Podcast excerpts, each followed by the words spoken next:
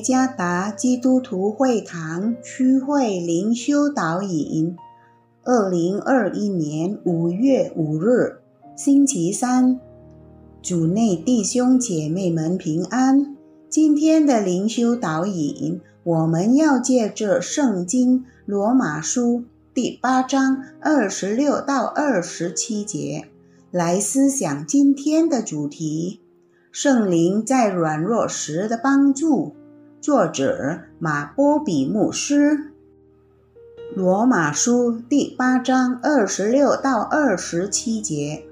况且我们的软弱有圣灵帮助，我们本不晓得当怎样祷告，只是圣灵亲自用说不出来的叹息替我们祷告。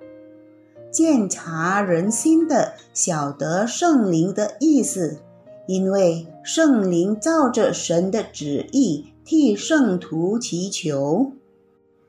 安妮西夫米勒因分娩后流产而导致血液中毒，在一九四二年险些丧命，对他的所有治疗都是徒劳的。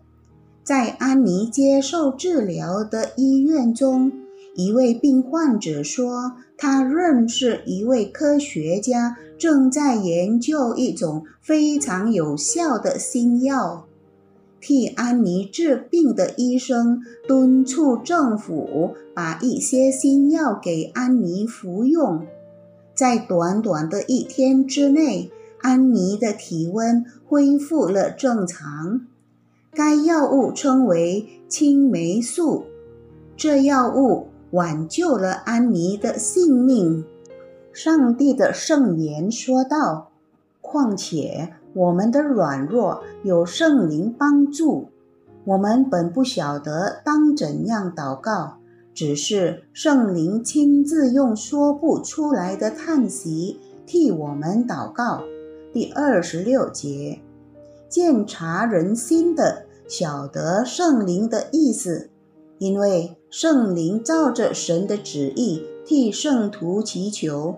第二十七节，软弱一词来自希腊语 “asthenia”，意思是身体或精神上的弱点。我们晓得，人体并不总是处于最佳状态。在这个世界上，我们在生理、心理，甚至灵性上都面临各种各样的生活问题。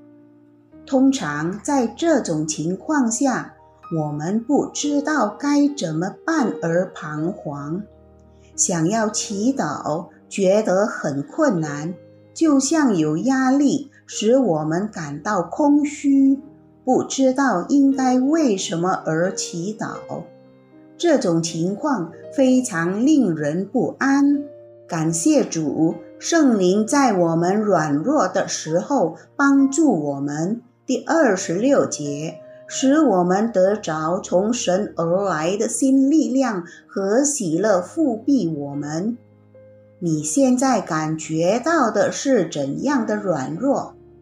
不要让情况恶化，而因无能为力去克服，便失去焦点。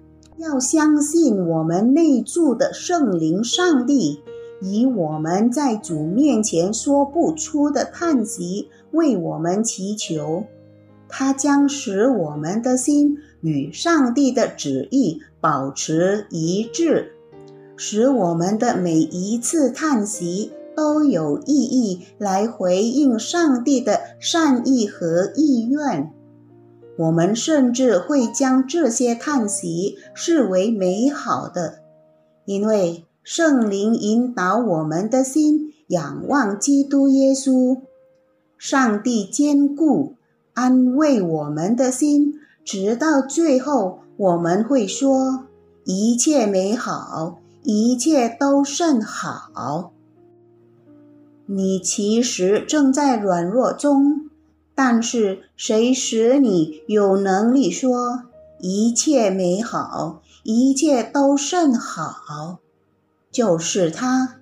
那为你祈祷的圣灵。主耶稣赐福。